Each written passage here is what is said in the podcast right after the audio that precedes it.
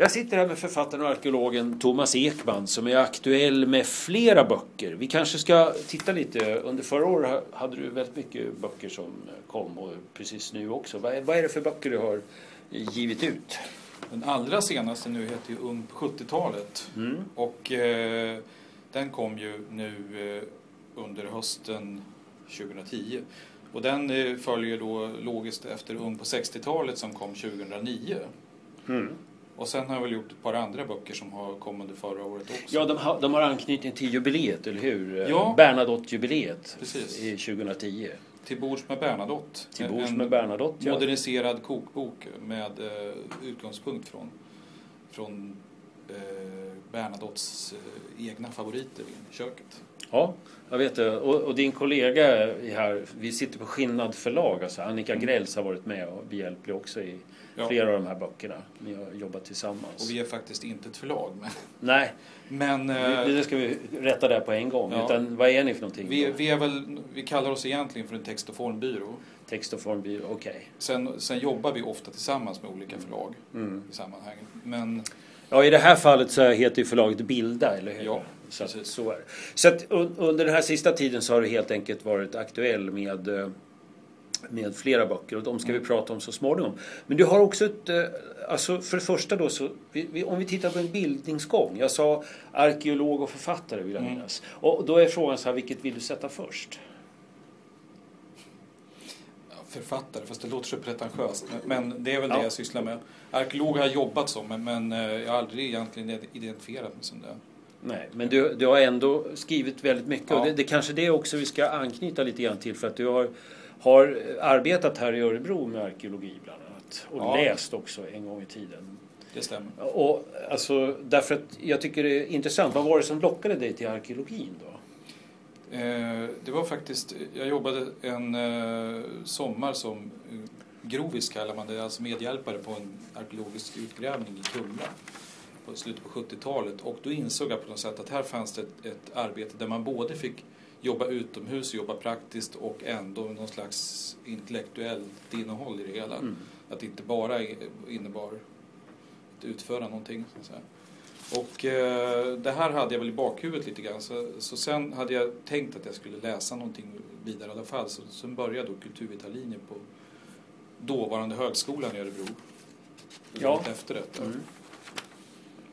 Och eh, det var så att säga början på, men jag har aldrig haft en barndomsdröm om att bli arkeolog. Nej, Så att det, men du, du, alltså det var helt enkelt så att man kan säga att det var en praktisk erfarenhet som gjorde Ja. det till, till eh, alltså, Det var det fick som lockade intresse. mig. Men- Just det. Va, nu har du mer eller mindre lämnat arkeologin vad jag förstår. Du har i alla fall slutat så, Ja. så, att arbeta med det. Men vad, vad har du, vad är det för, har du någon lärdom som du har dragit just av arkeologin? Man föreställer sig Mm. det lätt när man är på sidan om så att säga. Tidsperspektiv. Tidsperspektivet blir nog, blir nog eh, lite annorlunda än vad många andra har kanske. Man ser just att, att inom arkeologin man kan sammanfatta en hel epok som man kan röra 200-300 år på inom en paragraf och då glömmer man bort ofta att det rör sig om tio generationer som har vistats där inom. Och, och, och eh, man kan också få ner dagsaktuella händelser på sin rätta nivå kanske. Man kan Mm. Få ett visst perspektiv på saker Ja, och ting. det, det, det ger också proportioner kanske. Ja, proportioner Och till utveckling och sådana saker. ordet, ja. Eh, ja, ja, det, bara en, en rolig titel här som jag hittade.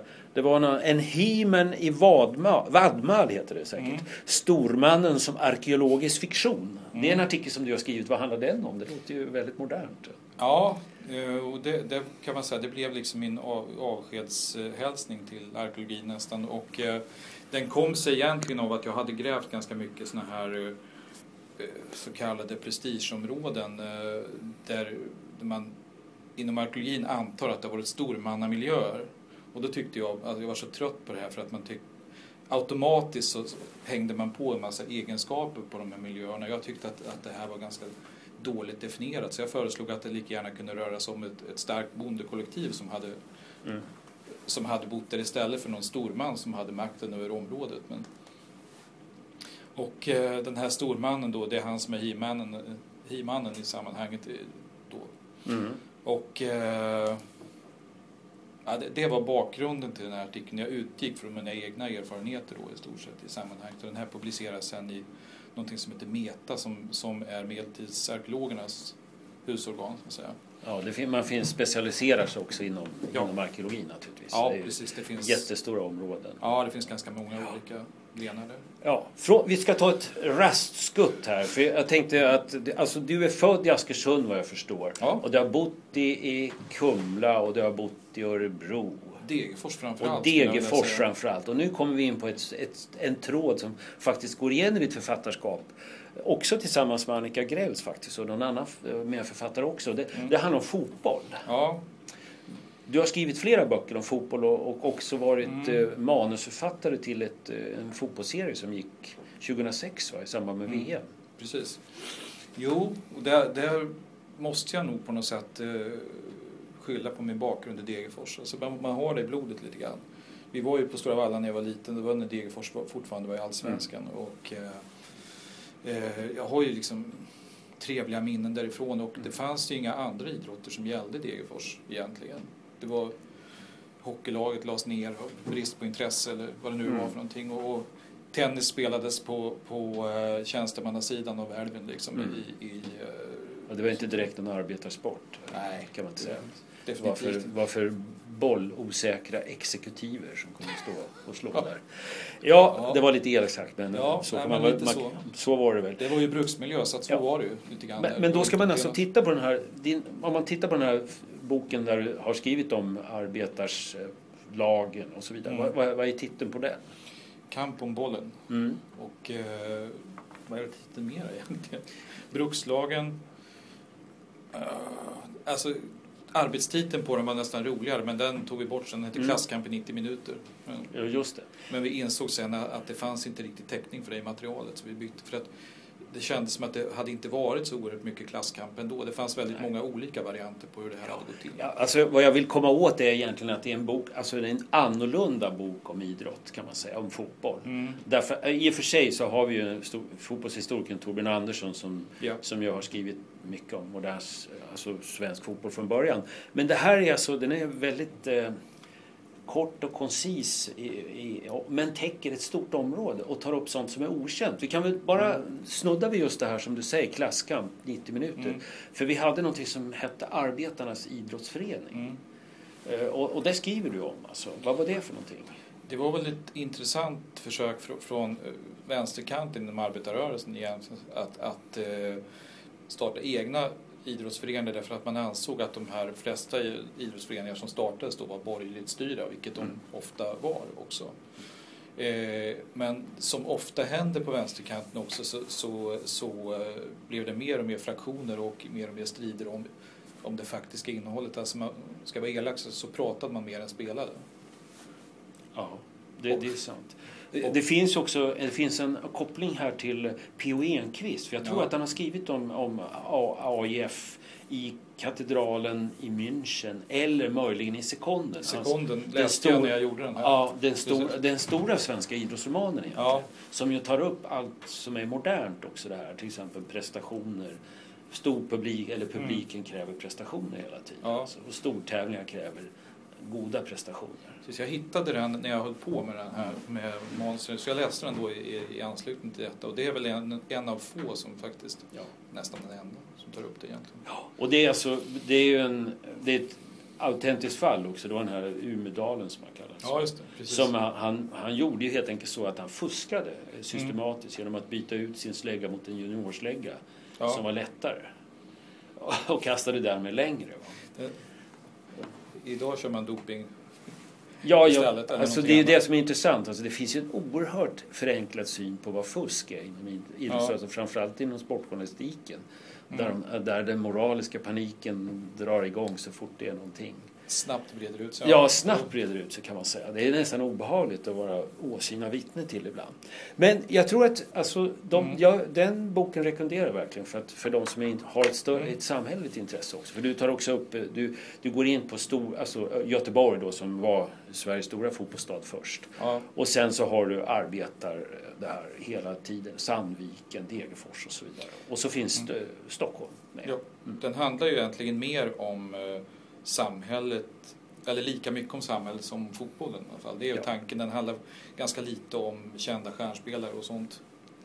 Ja, det är det som gör den intressant. För att mm. det, alltså, även om jag, om jag ser ibland att kända stjärnspelare är uttröskade och framförallt så har de mm. fastnat i någon sorts sån rekordmagasinsform av idyllisering och så vidare. Ja, och Nacka beskrivs alltid likadant. Ja, han är gamängen så, ja. fast han led av svår ångest och var noga med språket och sådär. Ja, Alla precis. Myter, liksom. han, han, är...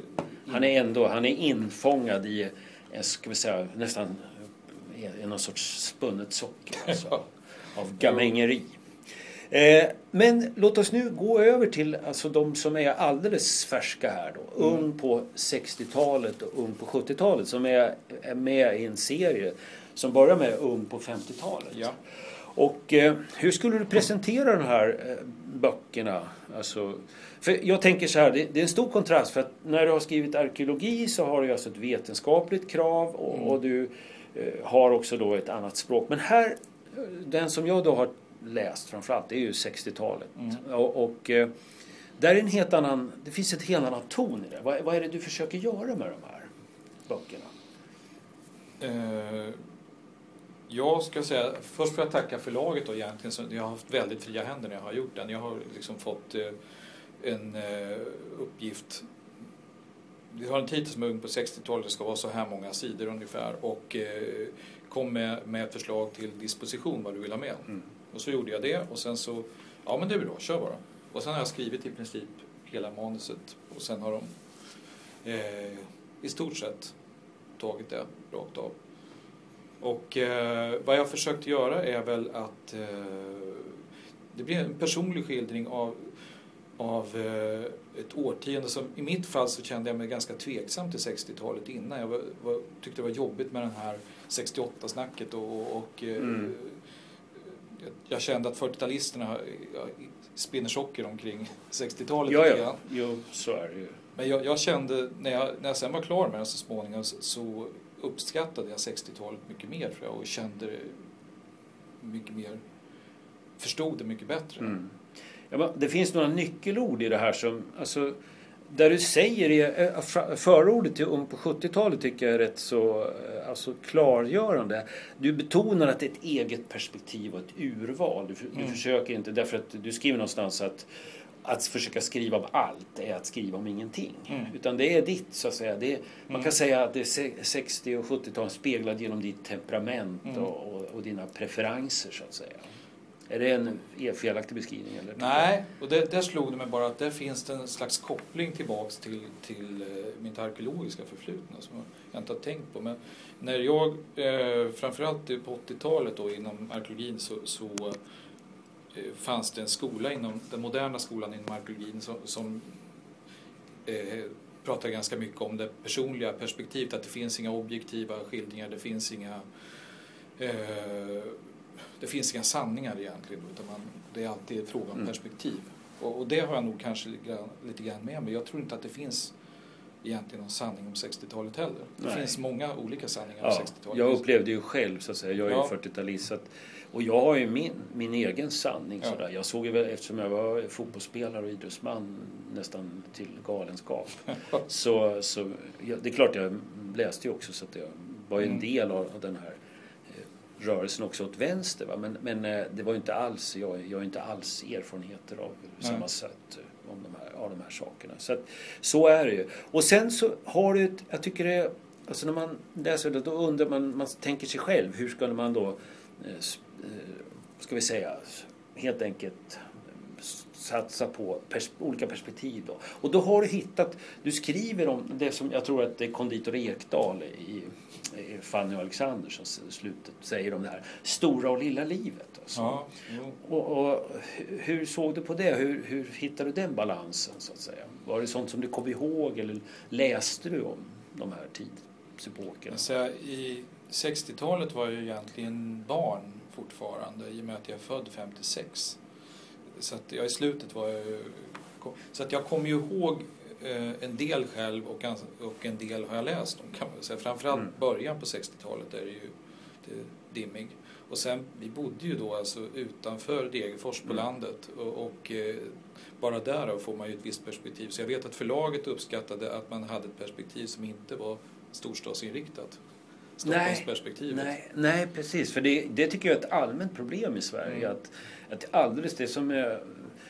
Alltså antalet skrivare i Stockholm som skriver om saker och ting i Sverige, det är som en fluga kring en sockerbit. Det är bara det att de lämnar så sällan sockerbiten. Nej, det blir hela tiden det här perspektivet på landet. Va? Och nu har det förstärkts av den politiska utvecklingen också. Att Mm. riksdagen så att säga består mest av storstadsbor. Ja, just det. Så är det. nog. Så, så det, där finns det. Va, på vilket sätt tror du att det har påverkat skildringen?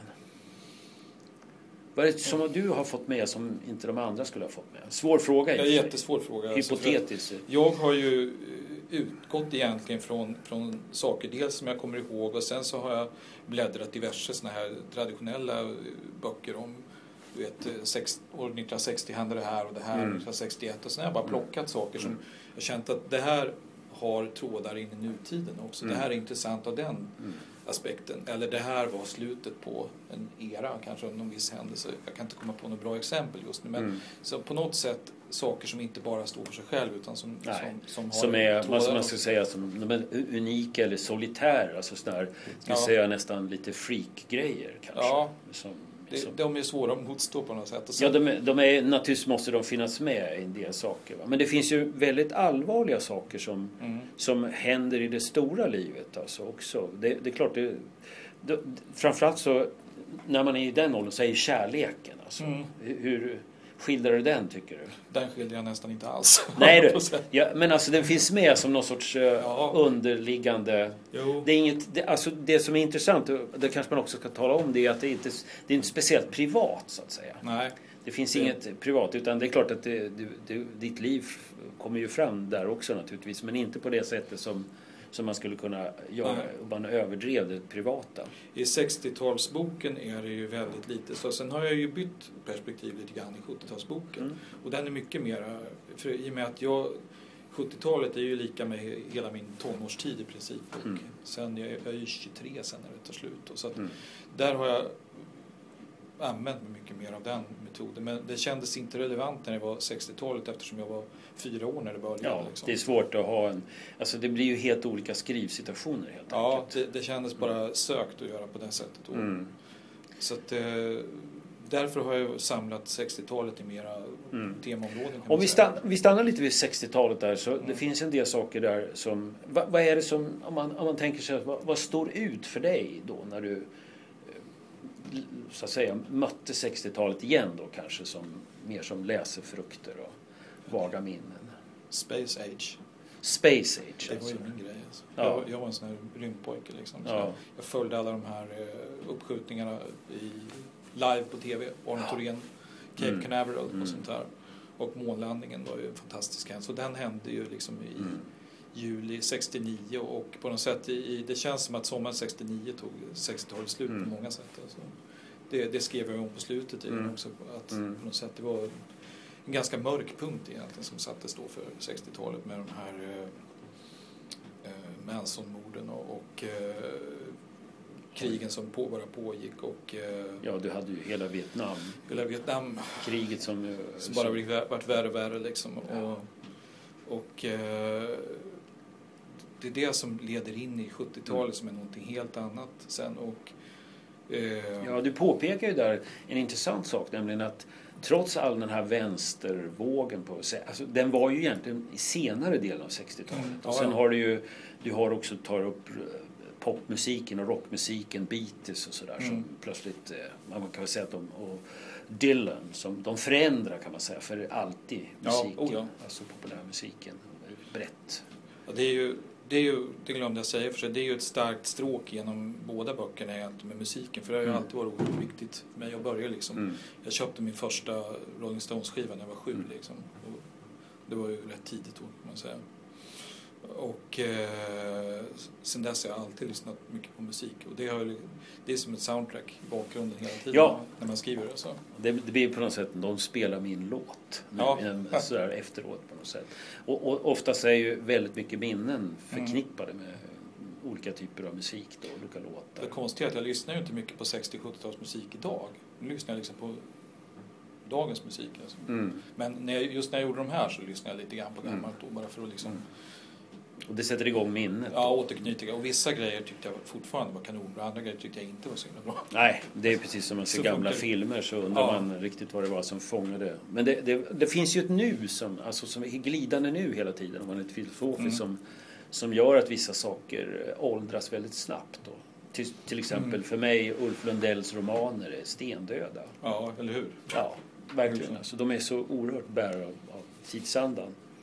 Men eh, det, det finns ju Vietnamkriget så att säga. Mm. Men, men du påpekar någonstans, jag tappade tråden där lite Ja, grann. Alltså att eh, på 70-talet så bröts ju den eh, socialdemokratiska Ja. hegemonin. Alltså, eh, faktiskt. Och jag har ju alltid eller innan jag skrev de här böckerna så har jag sett 70-talet, som framförallt den första delen då, som är oerhört vänster eh, styrt i princip. Alltså, Mm. eh, och det kändes inte riktigt som det heller när jag hade bara tittat närmare på det. Och framförallt så tog den delen av 70-talet slut tidigare än vad jag kom ihåg den kändes det som. Mm. Och eh, just det här att vi faktiskt fick den första borgerliga regeringen på 44 år då, under Ja, det, 19 det var ju en sensation. Och det Ja. hade att göra med en annan, som jag ser, stor 70-talsföreteelse. Och det var ju atomenergin. Alltså Ja. atomkraften som ju... Den, men det var ju fascinerande för att det upptäckte jag ju också att eh, det sista reaktorn som togs i bruk i Sverige, det var ju Forsmark. Den bestämde man, beslutade man eh, sig för att bygga 1970 och då var det ingen som helst diskussion om detta. Nej. 1980, t- när man tog dem i bruk sen, efter tio års byggande, Mm. var, då var det i princip månaden innan man skulle ha folkomröstningen. Ja. Så oerhört mycket hände på den tiden. Alltså. Mm.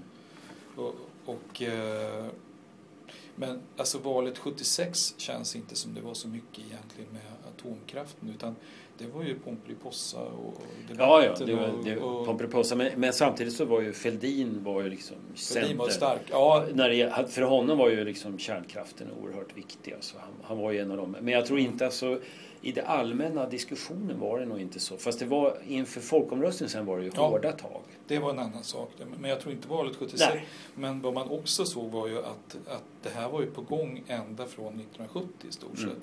Det hade jag liksom glömt bort lite grann också. För att, att eh, Socialdemokraterna tappade ju tre val i rad efter, efter att Palme hade tillträtt. Mm. Det har man liksom inte riktigt tänkt på i Nej, och, det, men om man tänker ju precis som du säger, det intressanta med det här är ju att man kan inte låta bli att reflektera över, eh, man, man ser Socialdemokraternas vånde nu med att tillsätta Mm. ledare. Man kan väl säga liksom att det, det är inte säkert att de här problemen har grundlagts nu utan Nej. det finns en ganska tydlig utveckling ändå. Att Ja, Bort ifrån det här fullständigt självklara att man skulle vara det största partiet. ja, precis. Och det, det, Det har naggats i kanten lite undan för undan. va? Jo, och det var ju fascinerande för redan 73 hade vi ju den här lotteririksdagen. Ja. Alltså.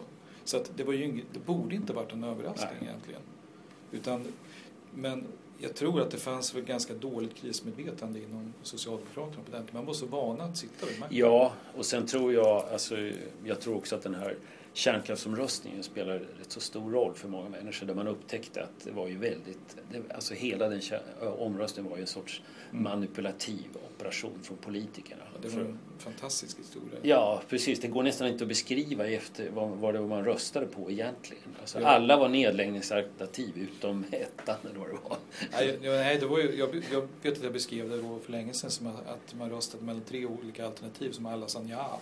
Fast med olika snabbt tempo liksom. Ja, För precis. att även det här så kallade alternativ 1 var ju någon slags Ja. nedrustning egentligen. Eller vad hette linje 1? Tror jag. Ja, det, ingen var liksom så här bejakande av Nej. kärnkraften utan man såg det väl mer eller mindre som en parentes som man skulle igenom på något sätt. Eh, men eh, jag tror Mm. att vi, vi, vi därför att det, det dominerar inte, politiken dominerar Nej. inte alls dina böcker utan jag tror Nej. att man måste återknyta till populärkulturen. Vad är det, Mm. som, vad är det du upplever igen här nu när du tittar på 60 och 70-talet? 60-talet så upplever man ju med eh, musiken då framförallt, alltså det är ju en revolution som händer egentligen då. Och det var lustigt därför att jag såg en recensent som, som, som var fascinerad av hur mycket jag uppskattade Beatles. Och då har jag ju, det här är alltså en fråga om en sån här överkompensation här. Jag har aldrig varit någon Beatles-fan. Men just därför jag vet att många uppskattar Beatles så har jag nog överbetonat lite, deras positiva inverkan lite grann i, i den här boken. Ja, men alltså de var ju, jag, jag, delar din uppfattning där, men alltså de, man kan inte komma ifrån att de liksom, Dylan var på något sätt en, alltså de var verkligen stora och de mm. ändrade. Jag tänker på Alltså musiken innan var ju möjligen så kunde man höra på Rock around the clock ja. och sådana här saker och Bach Goes to Town med Benny ja, Goodman. Eh, det var liksom då det som var populärt. Och sen var det den här, hela den här slagertraditionen och sen mm. hade du de här amerikanska croonerserna. Alltså ja. Frank Sinatra och Dean Martin. Och Perry Como. Perry Como Show. Pat Boone. Pat Boone, ja det var verkligen en präktig pojke. Ja. Eh, men, men alltså, så det var, det var en revolution där. Ja. Och, och jag känner igen nästan allt när jag läser det. Härligt. Det finns ingenting som... Ja, det är ja. härligt. Man kanske ska säga, man ska beskriva det så tror jag. Att mm. För de som har varit med så fungerar det som en... Alltså man känner nästan igen allting. Mm. Det är kusligt alltså att, att se att det är så. Hur mycket man absorberar. Man ska absolut inte kunna medvetet framkalla det. Utan när man ser mm. det här så är igenkänningsfaktorn så stark. Och det sätter igång minnet. För nya läsare, så sådana mm. som är födda, så, så, tror jag att det fungerar som en sorts historiebok. Mm. Och en väldigt rolig och rapp historiebok som är jättekul. Som man då kan mm. göra jämförelser med framåt också när det gäller musiken. Mm. Eh, du har också rätt mycket om filmen. Alltså. Mm. Vad, vad är det som eh, fastnat i minnet där? Jag gör någon slags, eh, filmen i 60-talsboken gör jag någon slags eh, årets film då 60 till 70. Det blir en, en form av, av, utveckling som händer där också kanske. Mm. Den börjar med, med eh, La Dolce Vita och slutar med Easy Rider. Mm. Och eh, Easy Rider är ju någon slags eh, bejakande av, av eh, den här flower power hippiekulturen. Ja, det, ja, precis. Som, men som slutar på ett väldigt negativt sätt som jag tycker är väldigt talande för vad, vad jag skriver om 69 mm. till slut på 60-tal. Mm. Så jag följer för det symboliska i att välja just den 69 också. Mm. Men, men sen eh, i 70-talsboken så, så fascinerades jag av att det, den stora mängden krigsfilmer, eller krigstema i början på 70-talet. Men man behandlar ju inte Vietnamkriget än. Nej. Men det är väldigt mycket andra filmer som handlar om, som också ja Alltså Soldier Blue till exempel, Little Big Man och de här som mm. tar upp amerikanska insatser i krig fast i det förgångna. Mm. Så att det, man, så man kommenterar samhället fast mm. man, det finns inte möjlighet i Hollywood att göra på ett direkt sätt än så länge. Alltså. Nej. När kom Deer Hunter? Det var 70-talet? 77 ja. eller något sånt där, mm. Det är en kommentar av Vietnamkriget kan ja, man säga. Nåde, kan ja, man säga. det måste man säga. Men, men alltså, det, det, är intressant alltså därför att uh, det går ju ändå från idyllisering. Alltså, mm. Jag kommer ihåg massa krigsfilmer med John Wayne och Randall Scott och allt vad de hette ja. som liksom alltid slutade med Give them hell och så drog man iväg. Yes! yes. Och så, och så, där man alltid hade ett sånt här oerhört uh, fältherreperspektiv. Man fick ju mm. följa precis för staberna och man visste var de lömska japanerna låg och så vidare. Ja. Eh, och det, egentligen är det väl Mormon Mailer som bryter den där mm. med The Naked and the Dead som ju inte var någon patriotisk roman precis. Nej, den fick ju mycket skäll också. Ja, precis. Den var inte alls eh, anpassad eftersom... Det, man kan säga att egentligen de här inbäddade historierna från kriget nu, det är en återgång till mm. ett, ett gammalt mönster där, där alltså mäktiga intressen mm. vill liksom stöpa om krigets verklighet. Jag måste säga fortfarande att Apocalypse Now tror jag är den bästa utav de här krigsfilmerna tycker jag. Ja.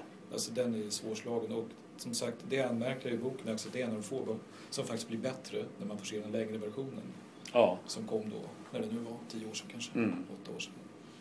Eh, och den är fantastisk på alla vis. Och jag har ju också läst eh, Heart of Darkness som den ska vara baserad på. Ja. Som är ganska lös basering skulle jag vilja säga i och för sig. Men det är ju en av de bästa böckerna Ja, om vi fortsätter då. Är någon annan äh, företeelse som, om man tar det stora livet då. då mm. Alltså vilka händelser tycker du står ut så här efter? Alltså vi hade ju en som du skriver om och det är intressant för det är faktiskt jubileum i år. Det är ju Dag Hammarskjölds död. Ja. 1961. 61, ja, ja. precis. Så, och det, jag tror att det är i september, eller hur? Ja, det var det nog tror jag. Ja, och i år är det alltså ett jubileum. Mm, det stämmer. För det det är ju inte, inget roligt jubileum. Men, men, han var ju liksom jättestor mm. i, i världen. Och det är ju till det här som jag har fått läsa mig till i stort sett, för det kommer ja. inte jag ihåg. Mm.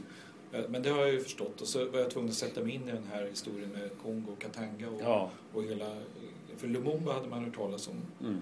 Eh, och eh, Dag Hammarskjölds roll i det hela. Och ju mer man läser, framförallt när man läser utrikiska att säga, Mm. kommentatorer så är man ju mycket mer kritisk till Hammarskjölds insats. I Sverige var man ju odelat positiv. Ja. Alltså de patriotiska tongångarna. ja, det var ju stort att ha en, en, en ämbetsman av den rangen. Ja. Alltså, så det var, det var ju ett prestige kan man säga. Sen var det väl så också att, att eh, faktiskt Hammarskjöld tog FN till en ny nivå. Mm. Va? Och han, han, alltså i och med att han var så, det är ju som nu den här Ban Ki-Moon som nu Mm. får så, får så mycket skäll. Ja. Därför att han, är liksom, han åker runt som en jäkla symbol va? och pratar lite gott och sådär. Mm. Medan ju Hammarskjöld grep ju in alltså, Ja. på ett annat sätt. Va? Och dessutom så är ju Hammarskjöldsgestalten fascinerande därför Mm. att det avslöjar sen i hans de här efterlämnade markings eller väg, vad heter vägmärken på svenska? Tracci di Camino på italienska. De är översatta överallt. Mm. Där, där man upptäckte att han faktiskt var en, en, en mystiker, en kristen Mm. mystiker. Precis, han var en munkgestalt alltså, Ja. som, som ut på världsarenan. Ja, och det var som att eh, det var väl som att upptäcka i, i svensk debatt på den tiden var det som att upptäcka att eh, ja, att eh, Kurt Nicolin egentligen var kommunist eller någonting sånt där. Alltså den stor, storföretag. Ja, ja. Alltså det, det, var den, alltså det fanns en chock i det där för det var man inte man, det hade man inte tänkt sig. Så Men det förklarar, tycker jag, en hel del. Därför han jobbade ju mycket med rättfärdighet. Han ansåg ju att på något sätt att vissa saker Ja. var rätt. Och då gjorde man dem även om man inte hade sanktionerat överallt. Och därför hamnade han ju också i konflikt Ja. med båda stormakterna i stort sett. Då, eller båda blocken som var på den Ja, ja, han styrdes av, alltså, det, det är det som är intressant, att han styrdes av inre värden som Mm. ingen egentligen var riktigt medvetna om, alltså, tror jag. Och, och, och sen eh, alltså också en sorts offerberedskap. Och han fick ju Mm. betala det yttersta offret för, för det här också i den här flygolyckan som Ja. möjligen, alltså man måste ändå ha vissa Mm. eh, där, att det kanske inte var så mycket olycka som... Men Nej. alltså det, det, kan, det kan man aldrig lösa idag. Va? Men det var en sak. Men Mm. har vi något mer som, alltså någon mer stor ja, sak som, som du känner alltså att det här väckte känslor hos dig? Kennedy-mordet förstås. Ja. Det, var ju, det är ju det första jag kommer ihåg själv, Ja. nästan. Då var jag sju och eh, det dök upp på TVn och, och, och eh, jag sprang ut till morsan och sa de har mördat Kennedy. Så, och så hon va? För, alltså jag, Ja. Han hade ju varit så mycket på TV innan så det kommer jag ihåg lite grann. Han var ju liksom stor och det här slogs upp jättemycket på TVn. Alltså. Mm. Och eh, det har man ju sedermera, han var ju en, en slags, eh, inte Kristusgestalt, men han var, han var jättepopulär, Ja. Jo, poppis. man, kan- man kan säga att i efterhand så kan man se hur oerhört retuscherat Ja. bilden av honom var. Ja. Han var ju inte en särskilt sympatisk person. Nej. Utan det man kan säga om honom var att han var otroligt eh, media och så hans ta, talkonst. Ja, ja. Precis var som medial- Obama. Ja, han var otroligt medialt begåvad. han, har ju, han har ju ett par, tre tal som har gått till retorikens historia. Då, det här med Ich bin ein Berliner och så vidare. Ja, precis. Han hade till och med ganska hyfsad tyska där. Ja, Ändå. i alla fall jä- jämfört med andra amerikaner som alltid låter som de försöker prata franska fast det aldrig går. Eh, men så är det. Och sen har du ju alltså han, han var ju också ett, ett bud om hopp. Mm. Och det släcktes ju så brutalt Ja. skotten i Det var Dallas. så oerhört ja, tydligt på något sätt där. Och sen, jag kommer ju även ihåg när, de, när hans bror sen blev skjuten några år Robert Kennedy. senare. Ja, precis. Justitieminister. Ja, som ju var en större politisk begåvning egentligen, om jag förstår det hela rätt, men Mm. inte lika medialt framgångsrik. Och sen var det Martin Luther King och sådär. Jag skrev det någonstans i boken att man fick intrycket av att politiker i USA ofta slutade genom att bli skjutna i direktsändning i TV. Liksom. Ja. Det var ju ofta det Ja. som hände. Liksom. Ja. Och det, Ja, ja men man, man fick till och med in ett skott på, på Reagan. Alltså, Ja, han klarade sig ju precis. med nöd och näppe där. Så det, och det är väl inte alldeles tänkbart idag heller. Man såg ju skotten över tusen. Mm. Eh, alltså, det, sånt händer tyvärr. Men bilden av USA man fick på 60-talet den var ju väldigt intressant därför att det var ju väldigt mycket TV egentligen. Det var som Aktuellt. Ja. Aktuellt gick ju varje kväll för det tittade ju farsan Mm. igen på så här liksom. Och, och Vietnamkriget fick man ju in i tv varje kväll. Liksom. Det Ja. var ju osensurerat i princip kändes det som. Ja. Vad som helst. Ja. Man hade inte lärt sig det från, från, från militärens sida än att liksom se till att ha kontroll över det. Inte som i Irakkriget till exempel. Och, och allt det här fick vi hem. Och sen var det raskravaller och så var det eh, Kennedy-mord och så var det allt sånt där hände i USA Mm. Och samtidigt var det därifrån som all bra musik kom nästan från början. Det här var, och eftersom jag lyssnade Mm. mycket på musik, det var jättekonstigt. Liksom. Och så var det ju också det positiva för min del med, med eh, månlandningen och hela det här programmet. Alltså. Så det var mycket i USA, men det var väldigt skiftande bilder av USA man Ja. fick hela tiden. Men det är väl det, så är det väl alltid med Ja. USA egentligen. Det är intressant det du säger just det här med kriget i TV. Det var ju det som eh, var... Ja, jag vet Göran Sonnevi, poeten, skrev ju en Ja. väldigt berömd dikt på Ja. 60-talet. Då, eh, som utgår från en TV där så han ser bilderna från kriget Mm. där. Och det är ju det som ligger bakom inbäddningen. Alltså Ja. absolut inte se till att hemmaopinionen aldrig får veta sanningen. Och nu har vi Wikileaks. Gör bra TV liksom. Ja, som, som visar liksom den här baksidan igen på, ja. på kriget. Krigets eh, verklighet, brutala Men verklighet. kriget finns på riktigt. Liksom. Just det, att det inte är så ideologiskt styrt på basnivå utan där gäller det att överleva. Va? Jag menar inte att man ska moralisera allt över so- soldaters beteende därför att de befinner sig ändå i det är ju helt enkelt... Det är Abnorm situation. Ja, det är en abnorm situation. En omänsklig situation där Mm. man måste fatta beslut om vem som ska leva eller dö. Helst så vill man ju överleva Ja, naturligtvis. det Så- skulle jag tänka också det, så, så är det. Så det, man kanske kan säga så att det är egentligen omoraliskt att utsättas för sådana situationer. Ja, precis. Vad, vad tror du är, vad är det dominerande i dina böcker här? Vad är det som är glädje eller sorg? Eller är det realism eller?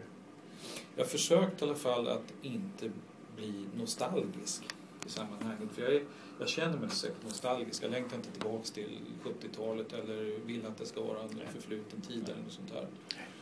Eh, Så det har jag försökt undvika. Sen- så eh, finns det en viss spänning i det hela mellan text och bilder. För bilderna är mycket Ja. mer Ja, nostalgiskt det är ett väldigt rikt bildmaterial. Jag kan inte... Det är ett dåligt medium för att, att, att visa det så att säga. Men, men så är det. Och, och, och det intressanta då, som jag som har varit med, jag känner igen nästan allting. Mm. Alltså bilderna har man också sett. Va? På Ja. ett sätt som det, alltså, det, det gör att man reflekterar hela tiden. För att jag tror ibland så det, vi pratar ju inte så mycket om minnet i början, men jag tror att minnet är väldigt opolitligt som Hjalmar Bergman skrev. Ja. Alltså, därför att alltså, man, det är svårt att veta ibland vad som är förstahandserfarenheter och vad som man sen Det- har läst. Va? Det är oerhört svårt, det har jag märkt när jag har suttit och Ja. försökt rekonstruera saker ibland. Och mina uppfattningar om hur det var och i vilken ordning saker hände Mm. och vad som säga, utlöste det ofta stämmer inte riktigt. Ja, man har ofta en ganska generell bild av det hela. Liksom. Ja, Men, men sen när man går in i, i, detalj, framförallt när saker hände, är oerhört svårt att reda ut. Alltså mm. tycker jag. Eh, så att i eh, 70-talsboken, det skriver jag en del om, eftersom jag utgår mer från egna erfarenheter, jag skriver bland annat om Roskilde där. Och Roskilde var jag, festivalen var två gånger på 70-talet. Och jag kan för mitt liv inte komma ihåg vilka år det var och, och i vilken ordning det var. Och jag försökte kolla på såna här, eh, jag hittade på nätet såna här, vilka som spelade och sånt där. Alltså, men jag fick liksom inte ordning på det ändå. Och det beror inte bara på Roskilde och tillstånd hos mig. Liksom. Det var faktiskt inte Ja. så farligt. Men, men eh, det är svårt helt enkelt. Alltså, tid, vårt minne är väldigt opolitligt när det gäller såna här Mm. saker. Den stoppar ner alltihopa i den stora säcken liksom, och sen stirrar om det. Visst, om man nu tänker sig att tiden, tiden står ju aldrig still utan nu fortsätter ju liksom processen Mm. och utvecklingen. Och, alltså det som man ser som jag tycker är ändå ur mitt perspektiv som, som läsare då så ser jag, jag håller med dig, du, du är inte nostalgisk. Det Nej. finns ingen nostalgi av den typen utan nästan ibland så ser jag någon sorts förundran eh, på något sätt över liksom, ja men det var så här. Ja, Eh, Och, och sen så tänker jag mig att när tiden har gått ännu längre så kommer en del av de här sakerna naturligtvis att överleva. Men det som, är allt, som slår mig det är framförallt alltså betydelsen av medierna, alltså den mediala utvecklingen. TVn Mm. som kommer alltså i Sverige ganska sent jämfört med Mm. andra länder. Men här börjar den liksom bli fullmyndig och man ser, vad heter han, Björklund som var Ja. store nyhetsikonen. Och, ja, som larvade sig i folkparkerna. Så. Ja, just det. Jag kommer ihåg, vad var det? Hasse Alfredson hade någon sketch där han sa om man, om man säger de här tre orden så får man sparken på Sveriges Radio. Det var, eh, vad var det, Samarin, jävla namma folkparkerna. Någonting sånt. Alltså en svordom och sen folkpark. Eh, och eh, det var reklam då. Och nu, alltså det är ju som en ironisk, eh, mm. vad ska vi säga, grimas ur det förflutna på något sätt när man tittar på TV idag. Eh, där man kanske kan ibland få se lite fotboll mellan eh, kommersiella inslag. Ja, i bästa fall. Liksom. Men, men jag blev mer fascinerad av att då, alltså TVns enorma genomslag kan man nästan förstå att den fick i och för sig, men dess enorma betydelse som den hade då.